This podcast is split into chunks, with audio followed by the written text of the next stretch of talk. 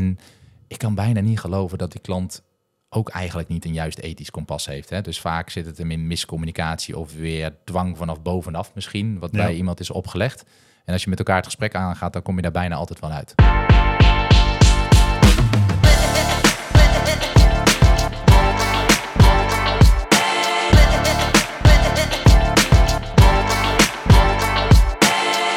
Welkom en leuk dat je luistert naar weer een nieuwe aflevering van Ondernemen in de Podcast. Deze keer in de studio Jan-Jaap en TJ. Welkom. Dag Jordijn, Welkom. Hoe is het?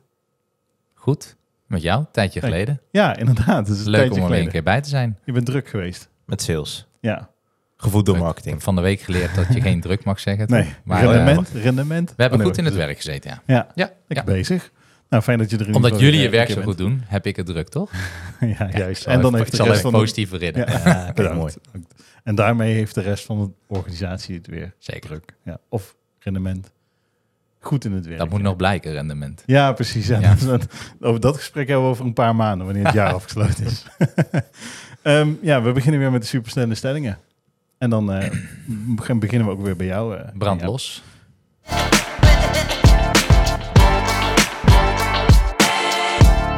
De eerste is, flexibele werktijden leiden tot een afname van de productiviteit. Oneens.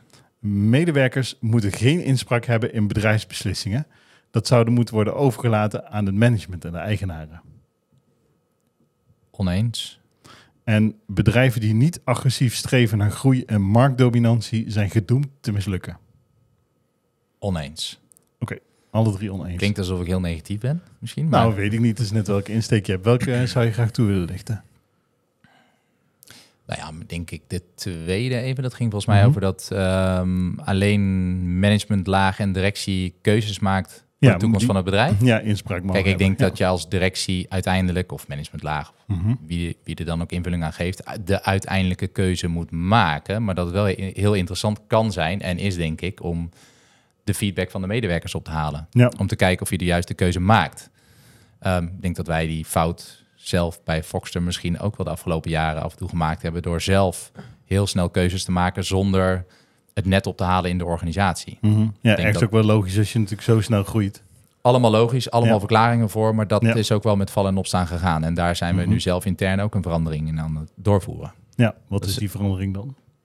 Dat we een medewerkersvertegenwoordiging eh, aan het oprichten of in gang gezet hebben, Ja. waarmee we maandelijks gaan sparren over topics die er spelen, keuzes die er gemaakt worden. Ehm nou ja, dan klankborden met elkaar. Mhm. Kijk, waar het ehm, denk ik in zit, is dat wij even vanuit een directieperspectief of vanuit een ondernemersperspectief eh, vaak op de lange termijn aan het denken zijn. En bepaalde keuzes die wij maken of willen maken, die hebben ook invloed op de lange termijn.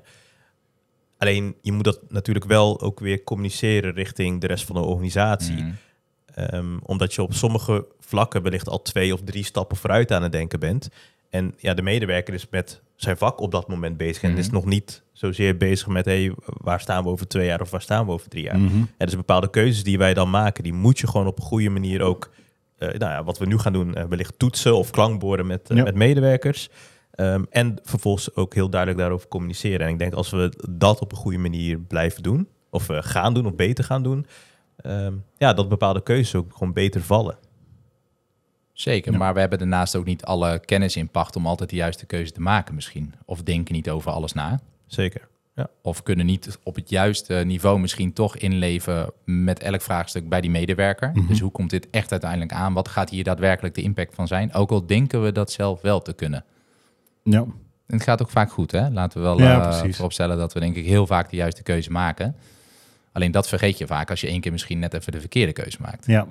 Ja, dus, Die blijft dan hangen. ja, klopt. En helaas heeft dat altijd een nare bijsmaak. Precies. dingen die goed gaan. Ja. Nou, het is bij ons wel, als wij het gevoel hebben dat wij een verkeerde keuze hebben gemaakt, dan komen we daar wel op terug. En dan geven we ook aan van, hé, eh, we hebben geconstateerd, dit is niet de juiste keuze geweest, eh, dus we, we nemen nu een ander besluit. Ja. En eh, dat, dat kan misschien ook op bepaalde vlakken heel confronterend zijn. Mhm. Eh, maar ik denk beter, hè, hoe, zeg, hoe zegt ze dat? Eh, beter ten halve keer dan ten hele, wat is het, gefaald? Of Ten onder gegaan. ten onder Nee, Maakt- mij maar. Maak er wat van. Het is in ieder geval krachtig leiderschap. Nee, Dat zeker. Maar hoe, hoe, ja. hoe meer je dat kan voorkomen natuurlijk, hoe fijner het voor iedereen is. Precies. Voor ons en voor de Ja, medewerkers. zeker waar. Oké, tof. Dankjewel. DJ, dan eh, gaan we door met jouw stellingen. De eerste is, je kunt beter talenten aantrekken dan maken. Oneens. Bedrijven die afhankelijk zijn van technologie zijn kwetsbaarder dan bedrijven die de traditionele methode gebruiken. Oneens. En medewerkers hebben strikte richtlijnen en supervisie nodig in plaats van vrijheid om productief te kunnen zijn. Oneens. Een hoop- Was je met de eerste ook oneens? Ja, dus of je, hoorde kunt, ik hem verkeerd, maar... je kunt beter talenten aantrekken dan maken. En ik zei oneens. Dus jij denkt dat je beter talenten kunt maken dan dat je ze aantrekt? Ja, nou ja, de, het, het, ik vind hem een, een, een, een best lastige vraag. Eh sowieso van wat is dan jouw definitie van een talent? En ja, wat bedoel je met een talent maken? Kijk, wat, hoe, hoe ik hem heb geïnterpreteerd is... ik heb liever iemand die ergens... of die zeg maar, talent in zich heeft op bepaalde vlakken. En dat kan voor mij zijn hè, hooglerend vermogen, probleemoplossvermogen... Mhm. dat soort competenties. Ja. En dat wij die dan vervolgens tot een succesvolle, talentvolle consultant zeg maar, gaan ontwikkelen. Dat, Mhm. zo, zo Waar heb we ik hier hele mooie voorbeelden van hebben. Precies, Zeker, ja. precies. Ja, ik, hij is al vaker eh, benoemd. Hè. Bijvoorbeeld een, een, een eh, collega van ons, nou, die is een marinier geweest. Misha, ik wist gewoon nooit. Ging Ja, zeggen. nee, maar, nee, maar Ja. eh, dat, dat is iemand die, die bezat bepaalde competenties. Nou, één hele belangrijke, anders ben je natuurlijk ook geen marinier, is ook doorzettingsvermogen. Ja. Mhm. Nou ja, die heeft een jaar lang echt gebuffeld. Die is met traineeship begonnen. Is, heeft gebuffeld, heeft, heeft zich echt eh, drie slagen in het rond gewerkt. En nu, nou, ik sprak hem van de week. We zegt, ja, het is allemaal gewoon relaxed. Ik heb het onder controle. En hij performt echt op een heel hoog niveau. Een jaar Ja. geleden rond deze tijd werd hij ingepland voor zijn eerste implementatie, omdat we geen consultants meer hadden. Had hij Ja. nog nooit gedaan en hij moest ook payroll meedraaien. Nou, daar Ja. had hij al helemaal geen verstand van. Hm. Toen hebben we nog een heel lang gesprek met hem gehad. Ik zei, jongen, over een half jaar lach jij hierom. Ja. Nou ja, dat zag hij nog niet helemaal voor zich. Nou, en nu een jaar later Precies. is het echt een van de toppers. Ja. Ja. Ja. ja, gaaf is dat, hè? Je- Moet je als ondernemer zijn ook gewoon heel veel voldoening geven, toch?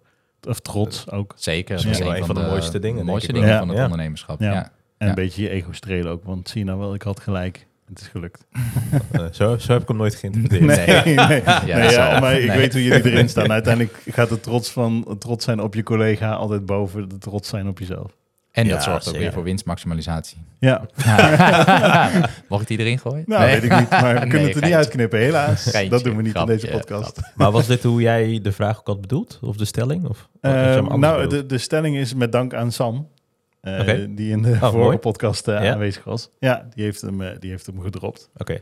Ja, nou ja, en ik ben er inderdaad ook wel mee eens. Kijk, uiteindelijk wat, en ook daar in de vorige podcast hè, van, van eh, Team naar Tribe hebben we het natuurlijk gehad over het ontwikkelen en het, zeg maar, het, bijvoorbeeld ook het gamification stuk wat wij Mhm. in ons onboardingsproces hebben, Mhm. zit of recruitmentproces eigenlijk. Ehm, uiteindelijk moet iemand het natuurlijk wel gewoon in zich hebben. Ja. En persoonlijk vind ik dan altijd hè, de, de drive en het enthousiasme van iemand hè, die zegt van hey, dit is voor mij geen baan, maar het is een soort van manier van leven om het dan heel, veel, heel erg de andere kant op te trekken. Dat is het allerbelangrijkste. Als iemand die sparkle in zich heeft, Ja. dan komt de rest uiteindelijk vanzelf. Ik vraag me ook af of je überhaupt een talent kunt maken. Of dat je dan dus bezig bent met ergens het talent ontdekken van die persoon. En dat Mhm. op de juiste manier inzet in de organisatie. Ja. Nou, dus als ik dan even een heel persoonlijk voorbeeld mag noemen. Eh, ik ben veel te veel aan het woord nu in dit gedeelte, maar gaat. Nee, ga, ga lekker. Eh, maar als ik dan even terugkijk zeg maar, naar mijn schooltijd. Eh, waarbij bij mij op mijn MBO gewoon echt, dat ging echt niet oké, zeg maar. Dus dat was eh, op, op MBO, eh, VMBO-kader met zesjes, zes en een halfjes uiteindelijk je diploma gehaald. Uiteindelijk ging ik naar het, naar het MBO en daar ontdekte ik echt wat ik leuk vond. En vanaf toen ging het voor mij ook allemaal in, in één keer een stuk makkelijker. En dus op het moment dat je echt, zeg maar, nou, nu in mijn marketingrol, dus dat zit helemaal als gegoten. Ja. Maar op het moment dat je dus echt je passie zelf hebt ontdekt, ja, dan Mm. is het ook niet zo moeilijk meer om, eh, om echt te kunnen gaan vliegen. Dat, is ook, eens. dat Ja. is ook een geluk trouwens, dat je daar tegen aangelopen bent. Hè? Ja. Nou, je hebt het zelf gecreëerd in dit geval.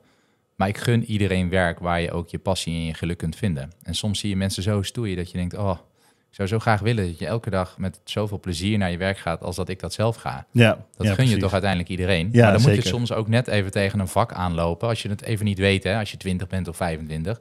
Waarin je echt je weg gaat vinden. En waarin je je talent kunt laten ontwikkelen echt. En kunt laten floreren. Ja, precies. Ja, uiteindelijk eet je dan ook gewoon lekkerder van het geld wat je verdiend hebt. Zeker. Omdat je dat op een leuke manier hebt verdiend. Zeker, ja. Ja. En eh, het kan alleen nog maar harder gaan.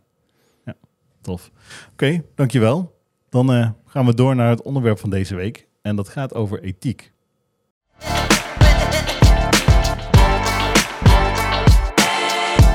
Ja, als je ethiek zou moeten omschrijven in één woord. Wat is het woord wat dan het eerste bij jullie opkomt? In één woord. Ik wilde zeggen vanuit de juiste normen en waarden handelen. Ja. Maar dat is al niet één woord. Dan moet je er misschien een Wel, afkorting van Dan heb jij maken. ondertussen de tijd om na te denken. Eerlijkheid. Eerlijkheid, ja. Belangrijk misschien ook wel. Hoe, in hoeverre is ethiek? Intentie. Ja. Misschien. Dus heb je de juiste intentie in het handelen wat je doet. Vinden jullie Welk van jezelf dat je een ethisch kompas hebt? En dat je het ook altijd. doet? Bijna altijd, denk ik. Ja. Hoe belangrijk is ethiek dan binnen het zaken doen voor jullie? Nou, ik denk dat het voor mezelf wel belangrijk is, omdat ik anders niet achter mijn eigen daden zou staan. Mhm. Ehm, en ik heb het gevoel dat dat voor jou hetzelfde geldt. Zeker. En dat is niet alleen omdat wij dat bij onze vorige werkgever AFAS met de paplepel ingegoten hebben gekregen, maar dat moet je ook daadwerkelijk echt zelf voelen. Anders past dat ook niet bij je. Ethiek kan natuurlijk wel voor een ieder anders zijn. Mhm. Iedereen Ja. heeft een eigen ethisch kompas. Ja, ja Wat, best precies. wel uit, wat best wel uiteen kan lopen. Natuurlijk. Ja, zeker waar. Ja. Nou, ik denk dat je opvoeding wellicht voor een deel, misschien wel voor een belangrijk deel, ook daar wel een, een onderdeel van is. Mhm. Kijk, ik ben dan, eh, ik ben zelf niet echt gelovig, maar nou, mijn ouders wel. En eh, ik moest altijd mee naar de kerk. Nou, daar word je natuurlijk al eh, bepaalde e- ethische normen en waarden in, eh, ge- ingeprent. En ik denk dat dat in ieder geval bij mij persoonlijk wel een soort van basis geldt voor ook het, het, het zaken doen. Ja. Ja, is voor mij hetzelfde. Mijn ouders zullen trots zijn, denk ik, als ze luisteren als ik dit zeg. Mooi. nou, dan heb ik zo nog wel een aantal voorbeelden Mam, van ik- jou in je C Mam, ik zou willen dat ik over twintig jaar net zo handel als dat jullie dat doen nu. Oh, dat is en mooi. goed zijn voor de medemens. Dat is Ah, mooi. mooi. Ja. Eh, als je dan het bruggetje... ik wil graag even de groetjes doen. Eh, als je dan gaat kijken zeg maar, naar... Hè, dan, misschien dan inderdaad even die zachtere kant. Hè? Dus meer zeg maar, de cultuur. Hoe beïnvloedt dan onze bedrijfscultuur de ethische beslissingen die we maken? Nou, ik denk dat een van de dingen die we heel vaak benadrukken is eh, handel in het belang van Voxter en handel in het belang van de klant. En, en die twee, die, die, die moeten zeg maar wat mij betreft altijd in verbinding staan met elkaar. Hè, dus je, je gaat niet iets doen eh, ten goede van Voxter en ten nadele van de klant. En Mhm. andersom ook niet. Mhm. Je moet altijd denken van hey, hoe kunnen we ervoor zorgen dat we in beide gevallen eh, met een bepaalde beslissing of een bepaalde keuze of, of iets wat we gaan doen, dat we beide zeg maar belangrijk maken. Ja, dat is waar.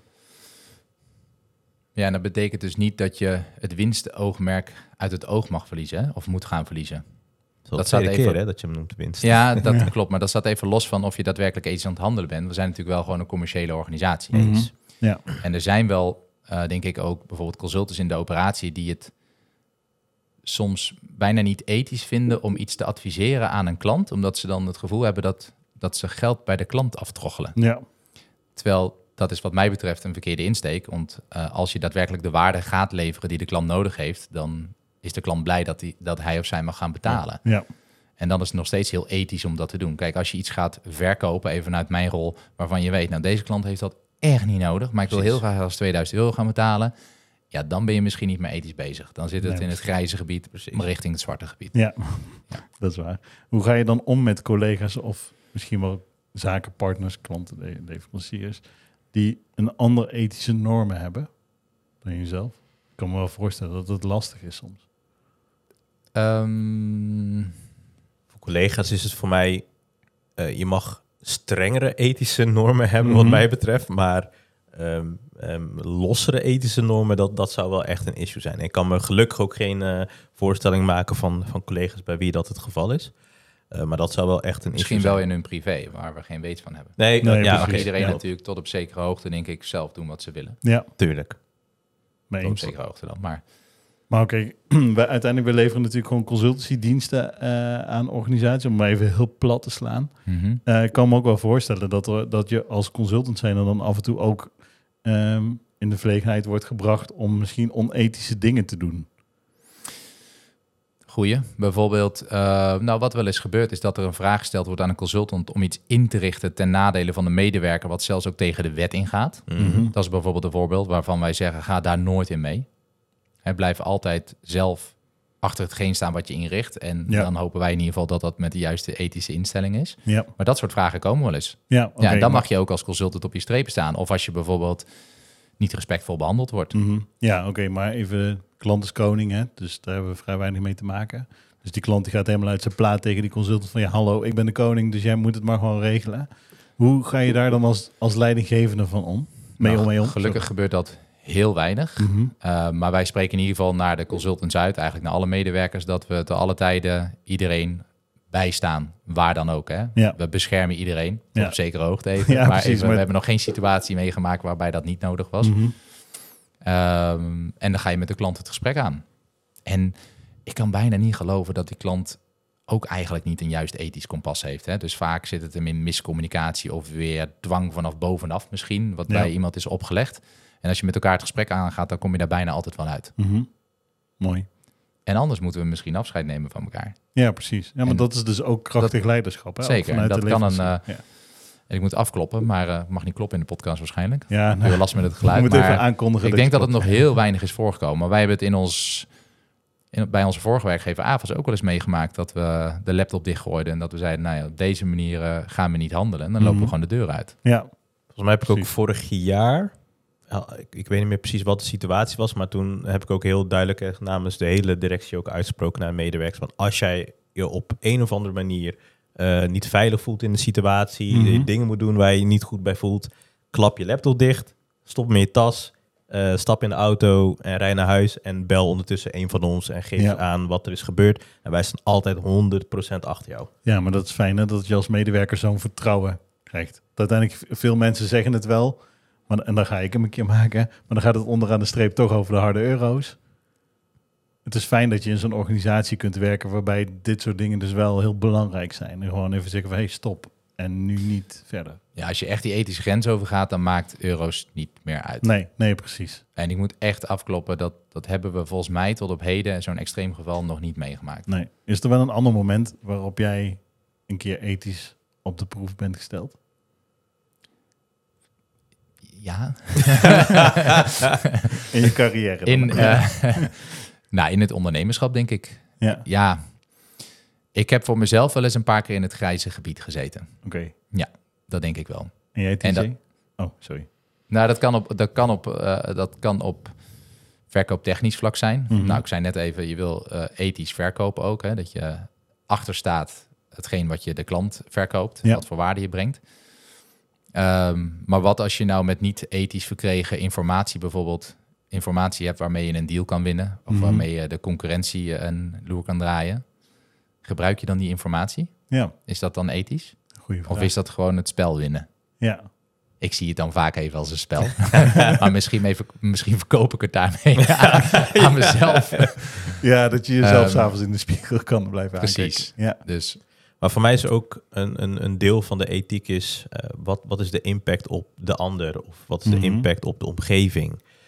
Eh, wat is de impact op mensen, op de natuur? En nou ja, nou een voorbeeld, ja, eh, doet het een keer pijn bij de concurrentie als jij een extra deal wint? daar Ja. worden zij ook alleen maar weer sterker van.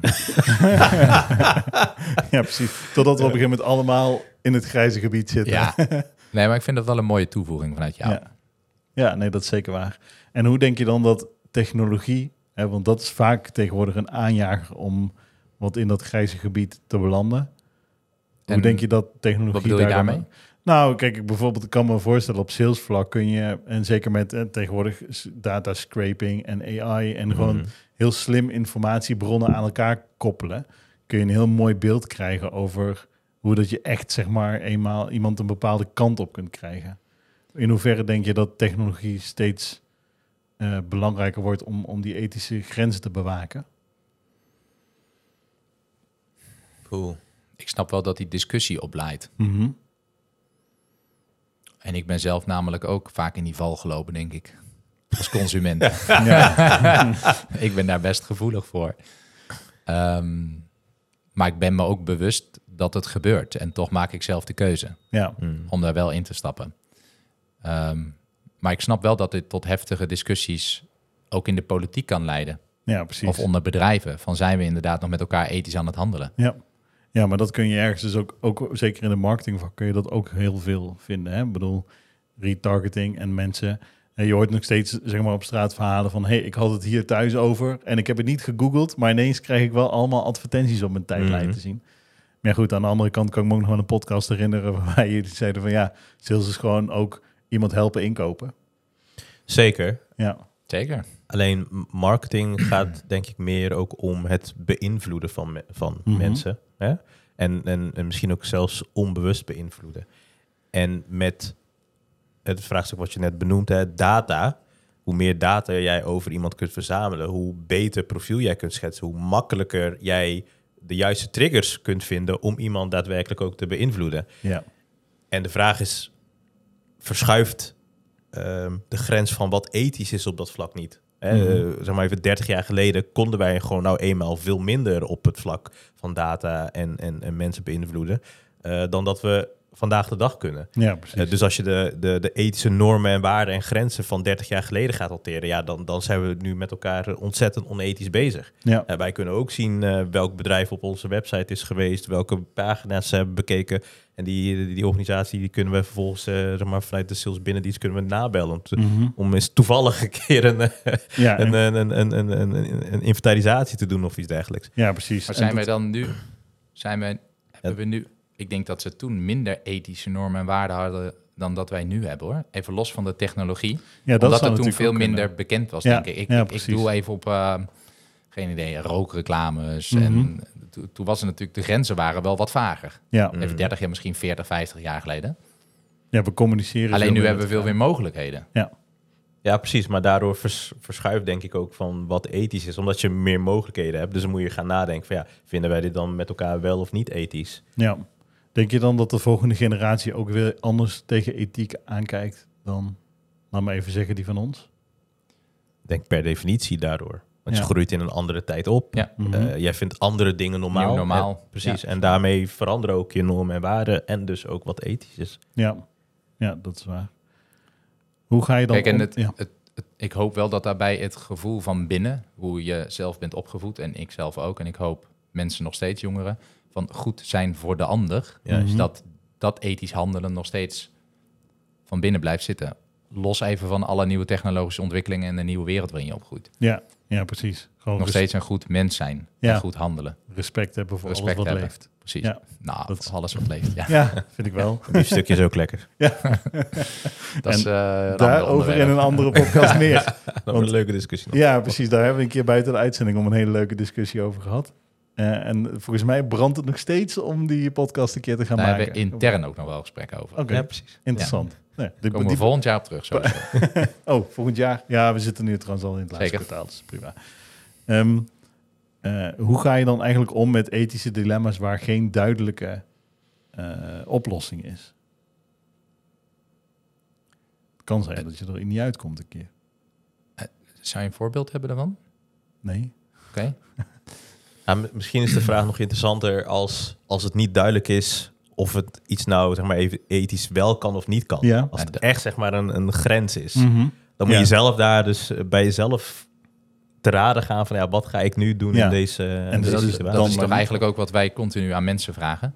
Handel met het juiste verstand in het Ja. voordeel van Foxter Mm. en uiteindelijk ook de klant. Eens, maar alleen dat is voor de ene anders dus dan de, de ander. En is het dan dus maar per definitie niet? Ja, maar ik vind ook dat het best tot op zekere hoogte anders mag zijn voor de een dan voor de ander. Mhm. En als het voor hun dan zelf goed voelt, tot op zekere hoogte. Hè? Ja, dus ja, niet als ja. je wetten gaat overschrijden, et cetera. Dan vind ik ook dat je mag doen wat voor jou op dat moment goed voelt. Ja. Ja. Ik denk dat wij wel, en dat, dat moet gewoon in de cultuur zitten, en dat is ook een beetje eh, kaders meegeven, eh, wat wij zeg maar goed vinden en wat wij als normen en waarden binnen de organisatie belangrijk vinden. Mhm. Ik denk dat we die moeten meegeven en dat de medewerker vervolgens zelf prima in staat zou moeten zijn om daar op basis daarvan keuzes te maken. Ja, en hoe geef je die dan mee als leider? Door dat te blijven laden. Laden, verhalen vertellen, voorbeelden geven, situaties bespreken Ja. met elkaar. Ja. Ja, dus ook weer communicatie. Ja. Ja, en nu, we zijn het bestaan natuurlijk nu drie jaar. Dus ook de consultants die hier al drie jaar zitten, hebben die verhalen ook weer. Mhm. Die ze weer doorvertellen aan de nieuwe medewerkers die komen. Ja, Kijk, ja, eerst precies. waren we het alleen maar zelf die de verhalen vertelden. Nou, in mijn geval gebeurt dat steeds minder. Maar ik hoor heel veel andere mooie verhalen van de collega's die ze nu maken, meemaken bij de klanten. Ja, is het dan ook zo dat je als mensen die verhalen met elkaar delen, dan op een gegeven moment allemaal een beetje hetzelfde ethische kompas gaat krijgen? Dat, dat denk ik wel. Ja. Ja, Ja, je gaat jezelf toch ook een beetje spiegelen aan je omgeving en de cultuur die er heerst. En als je je daar dan niet zo lang bij voelt, dan is dat denk ik ook een reden bijvoorbeeld om uiteindelijk misschien voor jezelf te vertrekken. ja, ja, dat snap ik. Hopen we dan. Ja, ja, eens. Ja, omdat je dan uiteindelijk het bedrijf daarmee niet verder helpt. En Wat jezelf ook niet, denk ik. Nee, precies. Wat je voelt niet jezelf dan vaak ook niet op je plek. Mhm. Eens. En dat wil weer niet impliceren dat we hier onethische dingen doen. Maar ja, ethiek kan dus inderdaad gewoon voor iedereen anders zijn. Precies. Wat denk je dat de grootste uitdaging is voor bedrijven in deze eeuw om om te gaan met ethiek? Want alles komt onder een vergrootglas te liggen, lijkt het. Ik denk dat het voor heel, bedrijf, heel veel bedrijven lastig is, omdat het impact kan hebben op je winstmaximalisatie. Ik ga hem Mhm. nog even één keer noemen. Ja, Dus oké, ehm, eh, beter zijn voor de mens, de maatschappij, de wereld, maar dan wel ten koste van geld. ja, Dat blijft altijd een lastige balans, denk ik. ja, ja, precies. Hoe hebben jullie die balans gevonden? Je moet daar continu mee bezig zijn, toch? Ik weet het niet. voor, mij voelt dat totaal niet zo namelijk. Mhm. Want ik, ik denk dat wij altijd vanuit een goede intentie bezig zijn met onze business. Ehm, dus dat is zeg maar even de, de status quo. En ja, soms kom je dan in één keer in een situatie waarin je misschien jezelf even vraag, de, de vraag moet stellen van... Oké, wat kies ik nu? Is dit, is dit goed? Is dit niet goed? Is dit ethisch? Is het niet ethisch? En, Ja. en, en ethisch is wat anders. Dat is natuurlijk ook is wat anders dan maatschappelijk verantwoord ondernemen. Ja, ja, ja, precies. Dus dat, ja, ik stuurde daar zelf net een beetje naar, maar dat is eigenlijk natuurlijk weer wat anders. Ben ik goed voor de wereld? Mhm. Je kan natuurlijk ook gewoon heel erg goed zijn in hetgeen wij nu doen op consultancyvlak. Met ethisch handelen en verder helemaal niks doen voor de wereld. nee. Nou ja, Dan kan je ook ja. afvragen of dat dan weer ethisch is. Ja, precies. dat is of dat echt niet goed discussie. is voor de wereld. Want ja, uiteindelijk maak je wel, je zorgt er wel voor dat bedrijven bijvoorbeeld een beter rendement halen of minder. Zeker, klopt. Ja. Minder stress, mensen leuker werk hebben. Ja, Zo kan je natuurlijk overal een draai ja aan geven. precies. hè? Dat is ook zo. Dan kan zelfs de drugsdealer waarschijnlijk op de straat zichzelf nog verkopen. Ik help mensen. en hij heeft er zelf ook een goed gevoel bij. Nou, dan is dat dus ethisch. Dan hebben ze in ieder geval een fijne avond gehad. Ja. dat is wel waar, ja. Ik vind nog wel, als je dan kijkt naar, dus naar de tijd waarin we nu leven, eh, denk ik dat het belang voor bedrijven wel groter is geworden. Want op het moment dat je niet ethisch handelt, ligt het veel sneller op straat vandaag de dag. Mhm. Hè, we hadden het net voor de uitzending even als voorbeeld over Shell. Hè, Ja. Met eh, de pijplijnen in Nigeria en wat er allemaal mis is gegaan. Zeg maar even 30 jaar geleden of 40 jaar geleden toen ze daarmee begonnen en toen er van hoorde je daar niks over. En nu met behulp van hè, de, de, social media en Mm. überhaupt het internet en, en een kleiner wordende wereld, word je in één keer eh, met dat soort zaken geconfronteerd. En dan is Ja. het niet meer zo ver van je bedshow. En dan zie je in één keer dat eh, bedrijven er al zijn gaan doen om dat dan weer eh, proberen weg te poetsen. Ja, precies. Want anders dan worden ze geshamed of gecanceld. Wat natuurlijk ook Precies, gewoon- en dat is Ja. natuurlijk wel in lijn met de nieuwere generatie. Ja. Als jij niet ethisch handelt als bedrijf, dan willen ze al niet bij je werken. Nee, precies. Dan ben jij geen goede werkgever. Nee, dus heeft het daar ook weer gewoon impact. op. Zeker impact, ja. Ja, Hoewel volgens mij, eh, Sh- Shell staat volgens mij nog steeds in de top 5 van de meest eh, gewilde werkgevers. Volgens Dus, mij betalen ze heel goed. Ja, dat- dus dat is dan ook weer tot, Oh, tot, dus dan tot waar keer. grens. Ja. alles heeft zijn prijs. En is, is voor jullie ethiek dan anders in je persoonlijke leven dan in je zakelijke leven? Mm, Nee, voor mij niet. nee, voor mij ook niet. Oké, Nee. Nee, grappig. nee. Want dat, dat, zou het ook weer lastig maken, denk je. Want dan word je een soort van gespleten persoonlijkheid op je werk. Want dan moet je in één keer anders gaan handelen dan, dan thuis. Mhm. Nee. Ik, nee. Ja, ik twijfel even of ik werktechnisch misschien eerder een ethische grens zou overschrijden dan privétechnisch. Ja. Daar zou ik even over na moeten denken. Maar ja, ik kan me voorstellen in sommige inhoudelijke functies. Nou, laat ik maar weer even marketing nemen, want dat is dichtbij huis. Niet dat ik voor mijn gevoel een ander kompas heb thuis dan op het werk. Maar ik kan me wel voorstellen dat je privé als consument eh, het gevoel hebt van nou, al die advertenties en dat soort dingen, dat hoef ik allemaal niet te zien. Dat vind ik irritant. Ik zet gewoon allemaal blokkers aan en ik heb een VPN en, enzovoorts. Want eh, ik vind niet dat bedrijven mij zomaar mogen trace- traceren. En aan de andere kant dat je gewoon een, een- de ochtend daarop gewoon weer een nieuwe pixel aan het inladen bent om ja, maar ik mensen vind, te het, kunnen volgen. ik vind het nog steeds oké dat die bedrijven het doen. Maar ik heb zelf de keuze om dat uit te zetten. Precies. Ik dacht meer privé-technisch aan ethisch handelen richting je vrienden bijvoorbeeld. Ja, nee, maar ik bedoel dus inderdaad En- meer als marketeer op je werk of als marketeer thuis. Dus de ene kant is de consumentkant en de andere kant is, hey, je doet het zelf ook. Ja, Maar maar, goed, ja. dat wil dus niet zeggen dat je... Hè, dus in principe, op het moment dat jij zakelijk gezien vindt dat je ethisch handelt... moet je dat in je privé, moet je dat ook nog steeds vinden. Ja, Dat precies. je, dat je Mm. andere keuzes maakt, dat, dat, dat is wat anders. Hè? Want, ja, eh, ik heb ook eh, privé, ik, eh, ik, zeg, ik altijd als ik eh, op een website kom en ze vragen om de cookies, ga ik altijd, neem ik de moeite om alles op nee te zetten, Mhm. bij wijze van spreken. Ja, Terwijl ja. ik uh, zakelijk gezien, nou ja, heel graag wil dat eh, ze de cookies accepteren. Want dan weten wij, hey, wie was er op onze website Ja, en eh, wat kunnen we ermee? ja, maar dan is het nog steeds wel ethisch, want je Ja. geeft iemand de keuze. Precies. Dat of niet te doen. En als je het niet doet, dat is trouwens, maar gaan we iets te specifiek, te specifiek over dit onderwerp, dan moet je het ook echt niet doen. Als mensen niet Nee, eens, accepteren, precies. Dat, niet dat stiekem alsnog Ja. cookies erin zetten. Hoe wij dat? Nee, zeker niet. Nee, nee, want dat is dus inderdaad mijn ethisch kompas. Dat ik denk van nee, nee is nee. Dus dan moet je het ook gewoon echt niet Heel doen. goed. En dat is heel irritant, want dan denk je, oh, ik had het even willen weten. Ja. Maar ja, helaas. Ehm, hoe kunnen organisaties ethiek dan integreren in hun dagelijkse bedrijfsvoering? Nou, als je het nu nog moet gaan integreren als reeds bestaand bedrijf, dan heb je denk ik wel een uitdaging. Want dan ben je, het is ook een cultuurding. Ja, Ehm, en je weet dat cultuur is een van de lastigste dingen om om te draaien. Als je Ja. het om moet draaien, dan is het net alsof je een olietanker eh, moet gaan keren in plaats van een Mhm. speedbootje. Dus dat is, dat is, dat is heel erg lastig. ja, Ehm, het moet in je DNA zitten als organisatie. Als je er toch mee wil gaan starten en het is nu geen goede ethische cultuur, dan is het natuurlijk beter om vandaag te starten in plaats van morgen. Mhm. Nou, je zei net al een mooi voorbeeld. Dan moet je het gaan laden. ja, Ehm, op welk vlak dan ook. ja, precies. Dus communiceren bijvoorbeeld. En echt uitdragen. Ja, Maar ja. dan heb je gewoon echt, denk ik, een heel erg serieus probleem. Mhm. En dan, En- dan, dan moet je ook wel echt als dan even leider van de organisatie of leider binnen een organisatie, dan moet je ook echt wel eh, zeg maar, op de bühne gaan staan en het Ja. goede voorbeeld geven. En, en ook wellicht hand in eigen boezem te- steken voor, voor het feit dat het tot op heden dan niet zo was. Ja, We zijn echt, nou, ik denk dat ik door mijn carrière heen echt bij, nou, misschien wel duizend bedrijven geweest ben. En ik heb heel vaak kijkjes in de keuken gehad waar dit van toepassing is. Waar de mensen dan zelf eigenlijk zeiden, onze cultuur is echt verrot gewoon. Mhm. Echt verrot. En ik zei, waarom werk je hier dan? Ja, Nou ja, Ja. dat kan ook verschillende redenen hebben ja natuurlijk. komt toch maar- het salaris weer naar voren.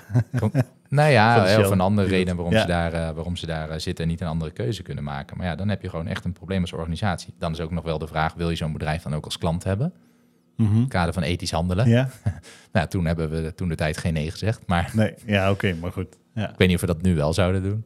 Nou, wij, wij, wij hebben, ik heb bijvoorbeeld in het verleden heb ik bij een, eh, ik weet niet, een of andere eh, eh, seks, porno-achtig eh, eh, eh, bedrijf moesten wij langs voor, voor, voor een demo van de software. Eh, en, da- en daar is uiteindelijk van gezegd, nou ja, dat gaan we niet doen.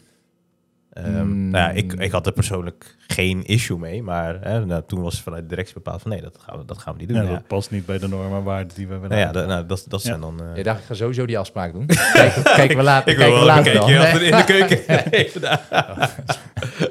Daar. Slecht verhaal. Ja. Ja. Ja. En ons pakket die kan helemaal geen contante geldstroom aan en al dat soort dingen. Maar ja, even alle vooroordelen op tafel Ja. gooien. Ja. Nou, uiteindelijk het is ook gewoon een bedrijf. Ja. En is jullie ethisch kompas in de afgelopen jaren dan nog veranderd?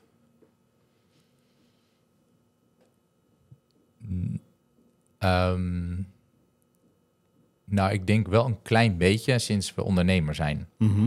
Omdat je er dan zelf nog iets kritischer naar gaat kijken dan dat ik het in mijn vorige rol deed bij een werkgever. Ja. Je kijkt wat meer naar het geheel.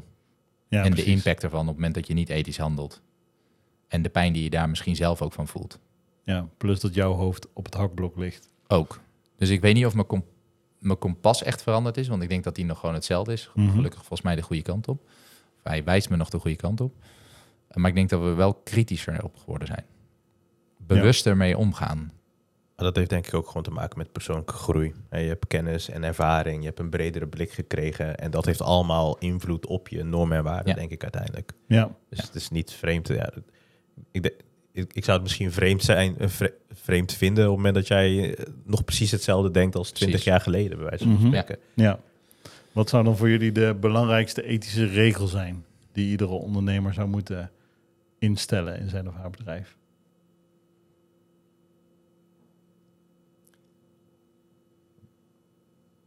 Oeh, Nou ja, oeh. eigenlijk is bijna hetgeen wat wij net zeiden. Dat je handelt met het juist verstand in het belang van de organisatie en de klant. Dus bijna in je werkgebied, zeg maar, een Mhm. allesomvattende. Ja. Ja, en Ja. geef je medewerkers het vertrouwen dat je altijd achter ze staat. Maar en dan ook echt doen. Ja, dat, dat, dat kan nog los van ethiek staan natuurlijk. Mhm. Ja, precies. Ja. Maar dat is natuurlijk wel ook het, het veilige, veilige omgeving die je moet creëren om Mhm. medewerkers ook gewoon die discussie aan te laten gaan van hé, hey, ik vind dit ook onethisch. Oké, dat mag je vinden, want we hebben hier een veilige plek eh, waarin we dit soort dingen kunnen delen met elkaar en waarvan we elkaar van elkaar kunnen leren. Best wel een lastige hoor, deze, deze vraag die je stelt. Omdat dit natuurlijk ook weer per bedrijf zo ontzettend kan verschillen. Ja. Ook afhankelijk van de branche waarin je zit misschien. Mhm. Ja. Want handel je überhaupt ethisch als je bijvoorbeeld een sigarettenhandelaar bent? Ja. Dat- En wat is dan ethisch? Ja. En wat is, dan, wat is dan ethisch? Waarschijnlijk vanuit hun gevoel wel, want zij vinden het prettig om daar te werken. Mhm. Dus vanuit hun eigen normen en waarden voelt het goed. Maar als je het waarschijnlijk een organisatie om de hoek vraagt, wat vind je er zelf van? Of wat, nou, als ik jou misschien de vraag zou stellen, zou het bijna verboden moeten worden, zou het antwoord waarschijnlijk ja zijn. Mhm. Ja. Ja, het blijft dus echt gewoon een hele lastige lijn tussen wat goed is en wat iemand goed vindt Precies. of niet. Ja. Ja, maar ze, ze- handelen wettelijk gezien goed, hè, want het mag. Precies. Ja. Ehm, maar het is gewoon hartstikke slecht voor de volksgezondheid. Mhm. Dus je schaadt er, je schaadt er letterlijk mensen mee. Ja. Ja, is, is dat ethisch? Ja, we met elkaar, hè, we hebben met elkaar, zeg maar, eh, regering, wetgevers, et cetera, gekozen. Dus we hebben er met elkaar voor gekozen dat het mag. Dus eh, ja, in die zin is het ethisch ja, of precies. zo. Ja, ik weet Ja, het niet. Geen idee. Lastig. Maar ik vind dat ik was afgelopen weekend in een rest, bij een restaurant en buiten op het terras. En ik was daar even lekker aan het lunchen hè, met het gezin. Maar uiteindelijk eh, ging het, het andere gezin wat naast ons zat, die was klaar en die staken letterlijk alle vier een sigaret op. En ik had daar, vreselijk. ja, ik had daar ook echt hinder van. Want ik dacht, nou, oké, dus dit neemt mijn, sowieso niet mijn eetlust weg. En plus je blijft het dan ook gewoon ruiken of zo nog, hè? ook al is, is dat klaar. Maar ja, het mag. En het is ergens ook wel gastvrij. Hè? Dus dat zou het perspectief vanuit zo'n horeca-ondernemer kunnen Mhm. zijn. Maar het is ergens ook gastvrij om je andere gasten die niet roken ook gewoon een moment te gunnen. Dus ja, ga je dan zo'n bord inderdaad in de tuin planten Ja. van, joh, dit is een rookvrij gebied. Ja, Kijk, en misschien handelt zo'n, nou, er zijn een aantal grote namen natuurlijk in Nederland bekend, eh, partijen wel verder op een ethische manier met hun handelspartners. Mhm.